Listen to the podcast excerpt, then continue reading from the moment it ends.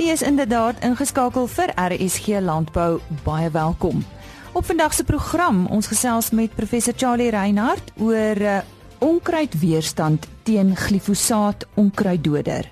Ons ontmoet 'n jong egpaar wat boer met angoras en skape daar in die Oos-Kaap.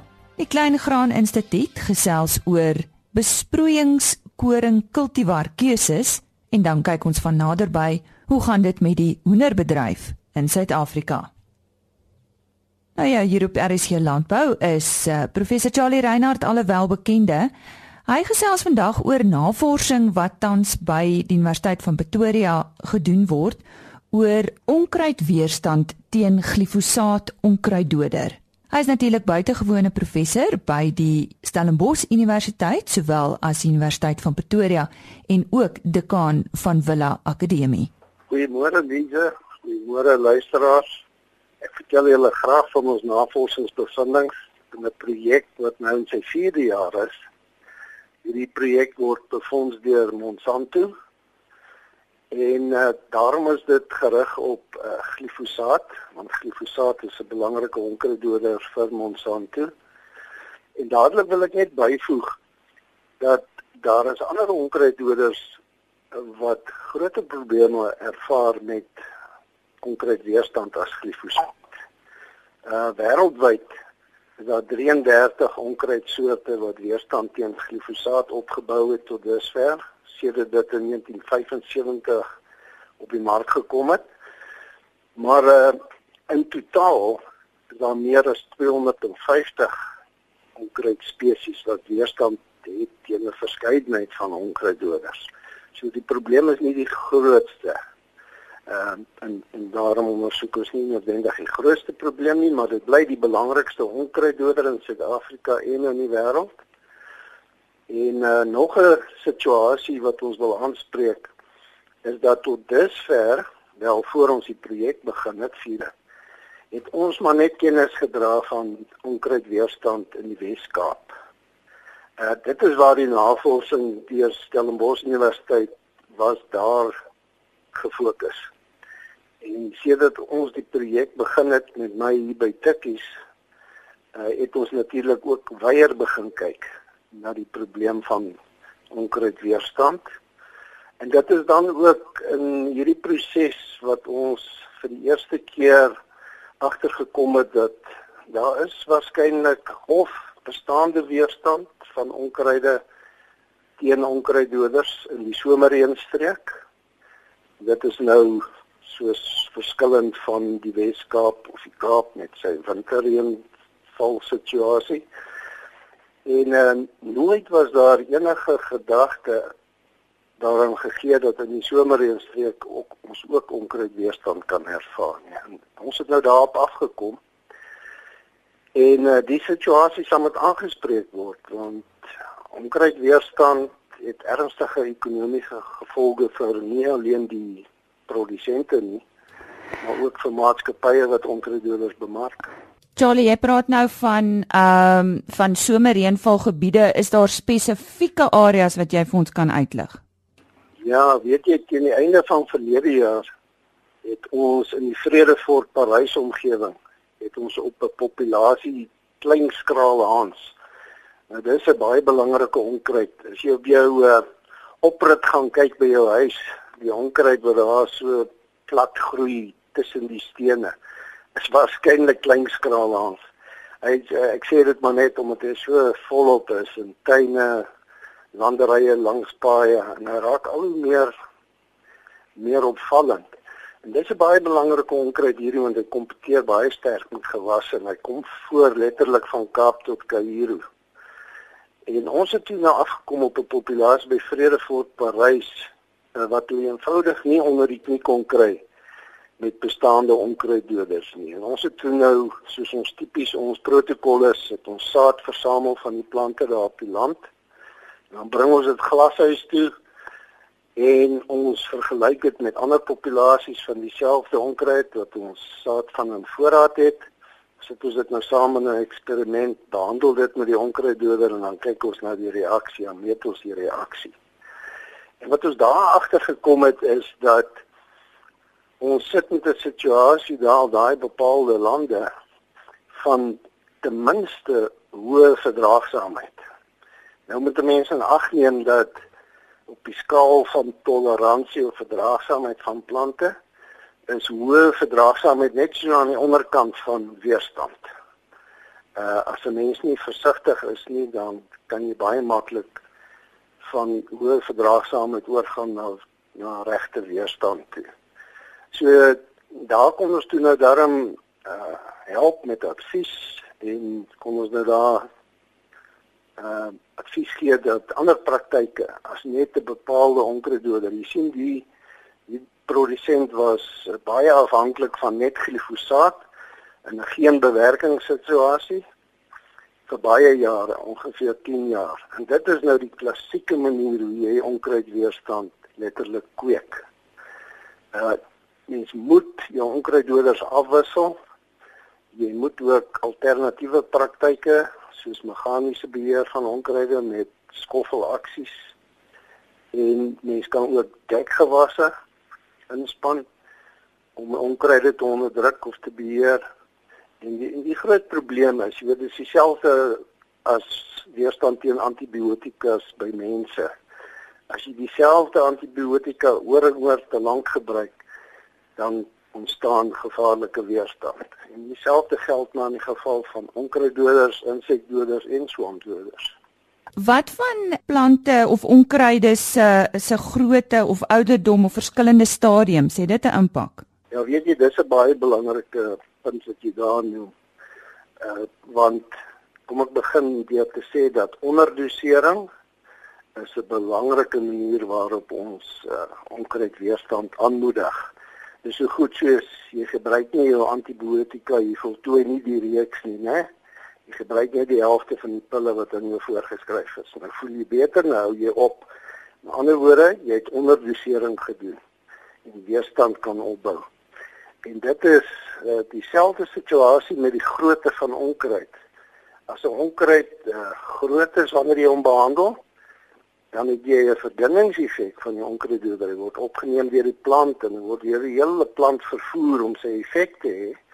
En in die proses, hoe groter die plant is, hoe groter is die verdunningsfaktor. Met ander woorde, in 'n groter plant het ons effektief onbedoeld het jy eintlik dan 'n situasie van onderdosering en die plant gaan nie dood nie of gaan gedeeltelik dood. Iets van die aard kom neer op onderdosering. Terwyl as jy die plant behandel het wanneer dit klein is, dan uh, dan vermy jy die situasie, die gevaarlike situasie van onderdosering. En dit is iets wat ons produsente en adviseurs in die veld onderskat. Onkruiddoder etikette het uh, baie onkruiddoder etikette het spesifieke voorskrifte. Jy moet die onkruid behandel wanneer dit in 4 tot 6 blaar stadium is. Maar nou word dit jong saailing. En uh vir verskeie redes natuurlik, né? Uh, logistiek en reën wat uh, voorkom in jou jou prosesse belemmer, jou belemmer om betyds op die land te kom. Al al die tipe situasies kan jy in 'n situasie sit waar jy effektief onkruid te laat toe dien. Onderdosering is die gevolg en jy staan in gevaar om weerstand te ontwikkel. Ja. Onkruid weerstand is nie 'n Frankenstein situasie waarvoor ons uh, ons mos dood hoef te skrik nie. Uh dit kan bestuur word. Dis 'n tegniese situasie van bestuur. Ons moet ons onkruiddoders afwissel en die beste manier om dit te doen is gebruik mengsels van onkruiddoders wat plante op meer as een manier kan doodmaak. Nou ja, aan die woord daar was professor Charlie Reinhardt. En besoek gerus die webtuiste van die Villa Akademie vir meer inligting hieroor. Dit gaan natuurlik oor nagraadse landboustudies. En dit is www.villaacademy.co.za. Francis en Brian Kingwell het onlangs by die nasionale Angora skou in Willowmore gekuier. Nou ons vind 'n bietjie meer uit oor die skou môreoggend op RC Landbou. Ons medewerker in die Oos-Kaap, Karen Venter, het die jong egpaar by die Duidou trofee seremonie raakgeloop waar hulle oor hulle boerdery met angoras en skape in die Maritzburg distrik gesels het. Beide glo dat niks sonder harde werk moontlik is nie. Maar luister self. Dit is aan eerstens Brian en gevolg deur sy vrou Francis Kingwell. Ja, ons het baie saam begin lewe en aan mekaar gekom en toe het ons later uh, saam begin bly en sy het op 'n tyd op haar oupa geboer en toe later kom ek ook in die prentjie en dis wat ons nog al saam geboer en ons al gestudeer aan Stellenbosch rigtinge. Ehm um, ook altoe in die landboubedryf. Ehm uh, Ja, ek weet dit is of nie altyd maklik om 'n vrou te wees in die landboubedryf nie, maar ek weet nie die, die ouer manne moet nou maar verstaan en ons ons jonger klomp ook maar 'n kans gee om homself te bewys, maar dit is nogal iets amazing en dit is nie ehm um, dit is nie elke dag dat jy die kans kry om saam met jou man te werk en om saam met jou pa in die wolskuur te staan of in die skeerhok te staan in bokwartklas en so dit is man dit is maar net ons het groot geword met dit so dit is seker ook nog maar nie iets ons ken nie iets anders nie en um, ek het ook broers gehad nee ek is die oudste dogter so um, jy moes maar inspring as haar hand nodig gewees het en jy moet my help so. Jy het vroeër vir my gesê jy verkies eintlik nie om net 'n huisvrou te wees nie. Jy wil baie graag in die skaapkraal staan of in die bokkraal. En jy het op jou oupa se plaas bietjie gewerk. Vertel ons bietjie daaroor.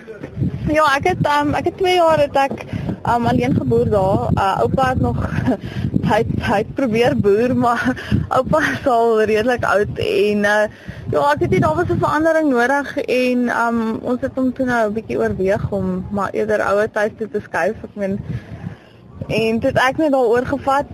My pa het nie altyd tyd om daar ook uit te kom nie. So ek het net maar dit op my geneem en oorgevat en ja, so gelukkig ek was al 'n jaar getroud dat ek alleen moes werk en eintlik baie lekker, challenging en ja, gelukkig het my man nou by my aangesluit so ons um, ons vat nou maar dinge saam aan. Ja. Wat het jy vir wat verkies jy um, om mee te werk? Is dit die skape, is dit die angoras? As ek nou moet kies, ek het groot geword met angoras. Dit is my liefde, dit is my passie. Um so ek meen enigiets in die angora bedryf, ek sal my hoed afhaal vir daai mense. Ek meen hulle werk hard en so nee, ek sou eerder met die angoras wil werk. My man is een wat my skaap werk. Ons stamp koppe daaroor altyd.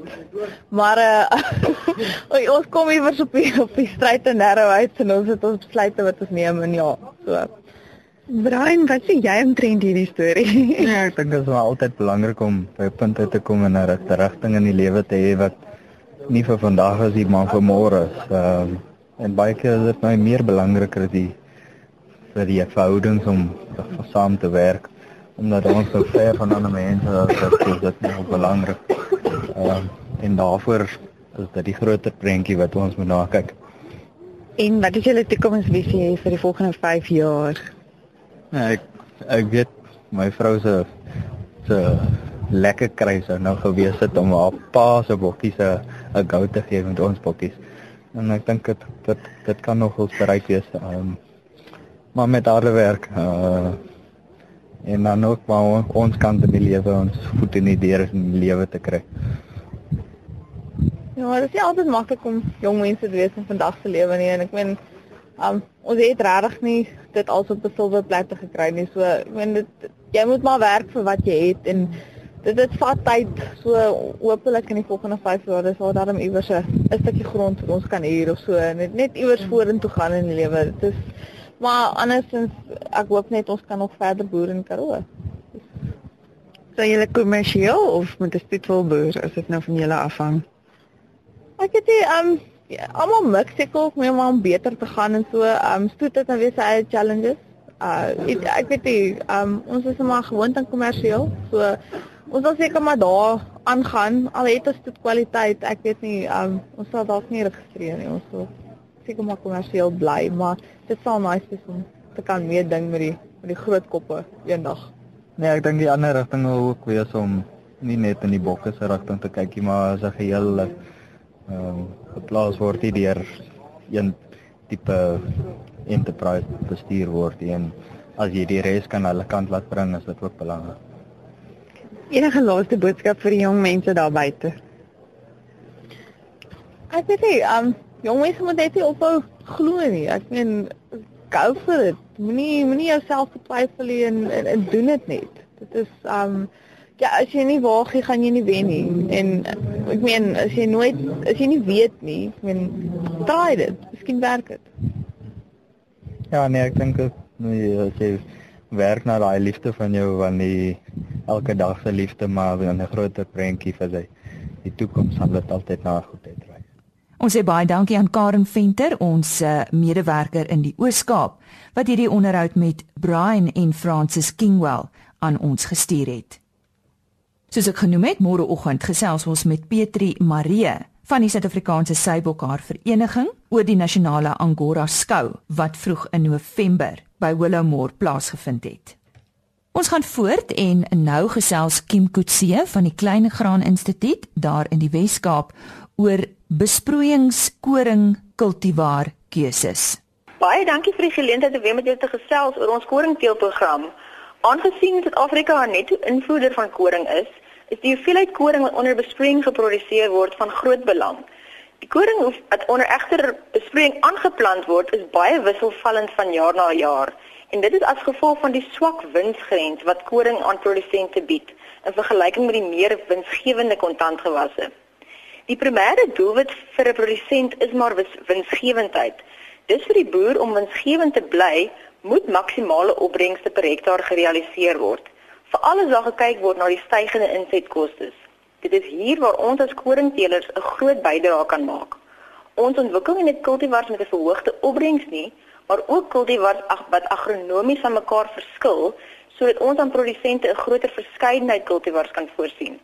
Dit laat die produsent toe om die be beste kultivar keuses te maak vir sy persoonlike verbouingspraktyke as ook om die om voldoende risikoverspreiding toe te pas. Om 'n nuwe koringkultivar te ontwikkel vat so plus minus 10 jaar vanaf die eerste kruising tot finale registrasie. Dit begin deur eersins goeie ouer materiaal te identifiseer met 'n geskikte genetiese agtergrond. Die nageslag van die kruising word dan in die land geplant en gepaste plantseleksies word dan vir die volgende 4 jaar gemaak voordat die materiaal eers in proewe kan gebruik word. Nou wanneer ons seleksies maak in die land, kyk ons primêr na die agronomiese eienskappe. Hierdie eienskappe is ook grootliks verantwoordelik vir die verhoogde opbrengs. 'n Holistiese aanslag moet egter gevolg word tydens seleksie, aangesien baie van die eienskappe waarvoor ons selekteer mekaar kan beïnvloed. Nou een van die eienskappe waarna ons kyk, is die plant se lengte. Die ideale idiotipe waarna ons kyk is omtrent so 95 cm hoog. Dis omtrent so heuphoogte. Hierdie lengte voorsien genoeg biomassa om die proses van korrelvol suksesvol te voltooi. Wat ook verder met plantlengte saamgaan is die strooisterkte. Hoe langer die plant is, hoe makliker kan dit omval tydens korrelvol. Ons selekteer dus vir plante wat reg wil bly tot oestyd. Nog iets waarna ons kyk is die groeiperiode. Ons selekteer vir lyne wat so plus minus 170 dae neem van plant tot oes. Hierdie groep is tradisioneel die medium groeiperiode cultivars maar lyne met langer groeiperiodes sal ook oorweeg word alhoewel ons eintlik maar meer sal konsentreer op die kort tot medium groei lyne. Dit is omdat groeiperiodes areas want opvolgewasse word kort na die koring geoeses geplant en hierdie opvolgewasse opbrengs word nadelig beïnvloed deur elke week wat die boer later saai. Wortelontwikkeling is ook van groot belang, veral in hierdie droogte toestande wat ons huidigelik ondervind. Hoe beter die plant se wortelstelsel is, hoe beter kan die beskikbare water opgeneem word. En dan waarskynlik die belangrikste eienskap waarna ons kyk, is opbrengspotensiaal. Maar dit bestaan uit 'n klomp kleiner onderafdelings. Dit sluit nou goed in soos die hoeveelheid are per plant, aar grootte as ook die pitgewig. Dit dra alles by tot 'n goeie opbrengs en uiteindelik geld in die boer se sak. Nou die kwaliteitparameters wat van spesifiek belang is vir die produsent, sluit in hektoliter massa, proteïninhoud en valgetal. Hierdie parameters bepaal watter graad koring die boer by die silo sal lewer en dit het direkte invloed op sy inkomste. Nou hektoliter massa is basies 'n digtheidsparameter wat 'n aanduiding gee van hoeveel meel die koring sal lewer. Ons deel dit vir kultivars waarvan die hektoliter massa bo 80 onder normale toestande sal wees. Die valgetal gee egter indikasie of die graan nat geraak het voor oes en gevolglik begin uitloop het. Dit is uiters na, uiters nadelig vir broodtak aangesien die stysel begine afbreek. Ons selekteer dus vir kultivars met 'n goeie weerstand teen uitloop. Vir 'n B1 graad koring moet die proteïninhoud ten minste 12% wees. Ons stel dus slegs kultivars vry met 'n geskikte graanproteïen samestelling. Produsente moet egter in gedagte hou dat beide hektoliter massa en proteïninhoud negatief beïnvloed word deur sekere stresomstandighede, soos stikstoftekorte en te min water gedurende die korrelvolperiode. Goeie bestuurspraktyke is dus van uiterste belang. Nou soos jy kan aflei Lize, is die teel van 'n nuwe koring um, kultivar 'n lang en komplekse proses. Maar vir meer inligting oor die huidige kultivars in die besproeiingspakket, kan produsente my gerus skakel by 021 809 3551. Goed, herhaal net vir ons daai telefoonnommer van jou asseblief, Kim. Dit is 021 809 3551. Die stem dan daar van Kim Kutse van die Klein Graan Instituut. Ons fokus nou op die hoenderbedryf in Suid-Afrika.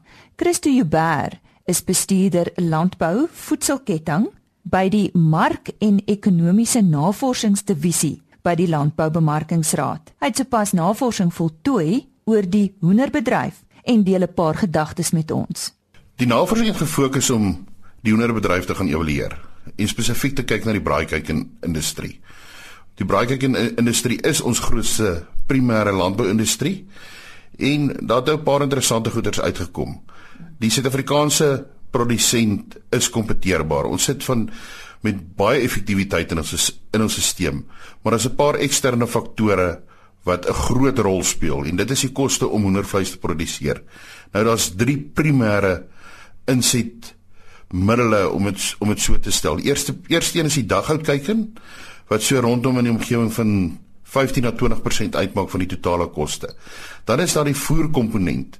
Die voerkomponent bestaan maar basies uit mielies uit. Nou, alhoewel voor daar geel mielies gebruik in die stelsel, maar sodra die prys van wit mielies goedkoper raak, dan skakel die voervervaardigers oor om wit mielies te gebruik. Nou ons is 'n netto uitvoerder van mielies in normale jare.